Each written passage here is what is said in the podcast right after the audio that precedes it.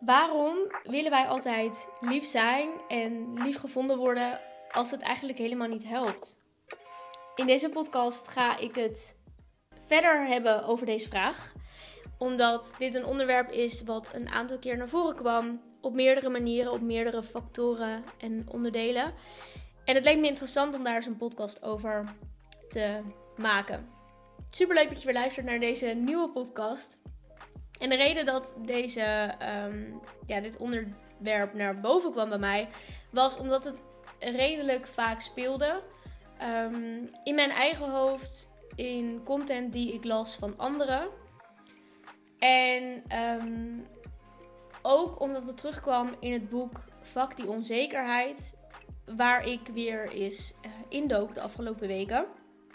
Dat boek gaat namelijk over het imposter syndroom Misschien ken je het wel. Het gaat eigenlijk om, kort gezegd, de angst om te falen of om door de man te vallen. Omdat je denkt dat je eigenlijk helemaal niet op de plek hoort waar jij nu staat. Mocht je, daar, je daarin herkennen, dan is het echt een, enorme aanrader om dat eens te lezen. Om eens te kijken van, hé, hey, wat staat er over in dat boek? Uh, ik heb er zelf heel veel aan gehad. Ik heb het boek en ik sloeg hem laatst weer eens open na, ik denk, twee, drie jaar, zoiets.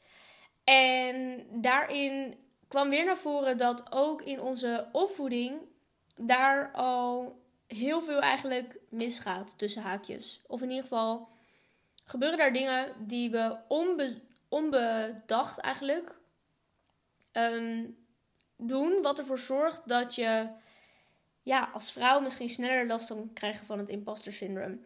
En nogmaals, uh, als je dit interessant vindt, lees het volledige boek.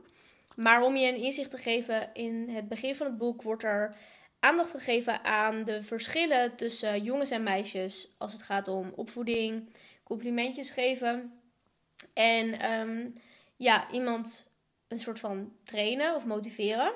Waarbij we bijvoorbeeld bij jongens veel makkelijker durven zeggen wat er nog misgaat, wat er nog beter kan.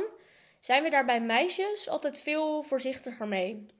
We leggen het altijd helemaal op een zacht bedje als we al kritiek geven aan een meisje.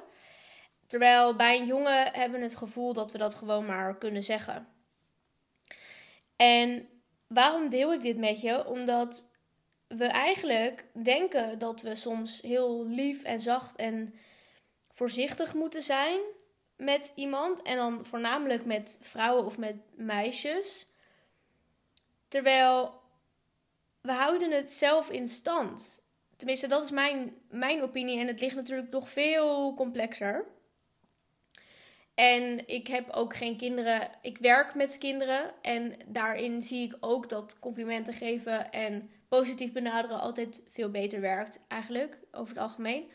Maar ehm, toch denk ik dat we soms wat harder mogen zijn. Ook naar kinderen.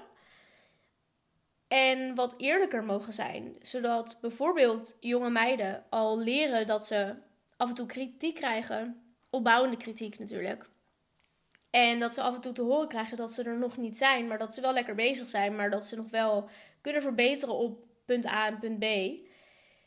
Zodat we op een latere leeftijd ook veel beter tegen kritiek kunnen. Als die bijvoorbeeld wat minder netjes en zacht en opbouwend wordt overgebracht dat is ten eerste het punt waar, uh, waar ik mee wilde ja, beginnen. Dat is iets wat, uh, wat heel lang in mijn hoofd speelde al. En ik ben heel benieuwd hoe jij dit ziet. Maar ook in ja, de latere fases van ons leven zijn we gewend om soms niet helemaal eerlijk te zijn. Om ergens omheen te draaien. Om het positieve vooral te benoemen en het negatieve maar te laten voor wat het is. We vertellen iemand soms niet helemaal de waarheid. En don't get me wrong, ik doe er eigenlijk net zo hard aan mee. En soms zou ik willen dat ik daarin wat ja, anders zou kunnen zijn. Maar tegelijkertijd vraag ik me af of dat in deze maatschappij en in deze normen wel kan. Omdat je dan anders ook gelijk als bitch wordt bestempeld. Omdat je het niet brengt zoals iedereen het doet. Maar soms zou ik echt willen dat we allemaal eens wat onaardiger zijn voor elkaar. En dat noemen wij zo onaardiger. Maar eigenlijk, als je goed nadenkt en jij bekritiseert iemand zijn werk of zijn groei of whatever het is, dan ben je in mijn ogen juist aardig. Want je helpt mij en je vertelt wat er nog nodig is. Dus het is eigenlijk zo twisted als je er echt over na gaat denken. En dit zijn echt die random hersenspinsels die ik wel eens kan hebben. En daarom wilde ik dit ook met je delen, omdat ik dit ook wel heel erg grappig vind om te delen. Eigenlijk is het super omgekeerd dat wij denken dat als wij de waarheid en de echte feedback en kritiek voor ons houden, dat we dan aardiger gevonden worden. Ja, in eerste instantie zal iemand je misschien aardiger vinden omdat het ego lekker op een veilige plek blijft en niet uh, gestoord wordt en uh, ja, alleen maar overladen wordt door complimentjes. Maar tegelijkertijd ga je er niet voor, van op vooruit. Als jij opbouwende feedback krijgt met punten waar je in kan verbeteren, kan je daadwerkelijk groeien en kan je daadwerkelijk stappen vooruit zetten. Terwijl als jij niet weet of niet ziet of niet hoort dat die stappen gezet kunnen worden, ja, dan blijf je gewoon in je comfortzone. En dan blijf je gewoon op het punt waar je staat, omdat je denkt dat het gewoon goed is. Dus ik zat hier mee in mijn hoofd en toen dacht ik, ik ga dit gewoon eens een keer uh, als een soort braindump delen in een podcast. En ik ben heel benieuwd naar jouw mening hierover. Um, hoe zie jij het? Kunnen we soms wat onaardiger de zaakjes zijn naar elkaar? Of is dit toch uiteindelijk de beste manier om met elkaar om te gaan? Om elkaar te laten groeien? Om um, aardig gevonden te worden? Zit hier mogelijkheid tot verandering in? Of zitten we gewoon vastgeroest in een patroon wat al nogmaals vanaf jongs af aan wordt ja, overgedragen? Want toen ik dat boek las nog een keer over dat we dus jonge meisjes veel milder behandelen, omdat we denken dat ze, dat ze het niet aankunnen, denk ik, ja, ik doe dat eigenlijk ook. En ik, en ik schrok er gewoon een beetje van, dat ik dacht, wow, eigenlijk houden we dit gewoon zelf in stand. En het lijkt soms zo dat meiden wat minder goed tegen feedback of kritiek kunnen.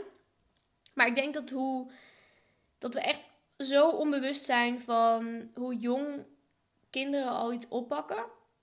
En ehm, ergens gewend aan raken. Dat wanneer we dus als iemand nou echt super jong is, uh, weinig feedback geeft, krijgt en vooral complimentjes krijgt, dan is diegene ook gewoon niet behouden tegen kritiek, denk ik. In ieder geval veel minder. Dus dan is het toch logisch dat we ja, op latere leeftijd minder goed tegen kritiek kunnen. Het is een interessant onderwerp en ik wilde hem even met je delen. Ik ehm, ben heel benieuwd hoe je hierover denkt. Mocht je hierover verder willen praten, stuur me alsjeblieft een DM. Dat zou ik super leuk vinden. Als je hier uh, meer kennis over hebt, of meer informatie over hebt, meer boeken over hebt gelezen, of wat dan ook, of misschien wel een studie, uh, praat gerust met me, want dat vind ik super interessant. Ik um, ga altijd helemaal op in dit soort onderwerpen. Je kunt me volgen op Instagram onder de naam kimvh.nl. En ik hoop je volgende keer weer terug te zien bij een nieuwe podcast. Ciao!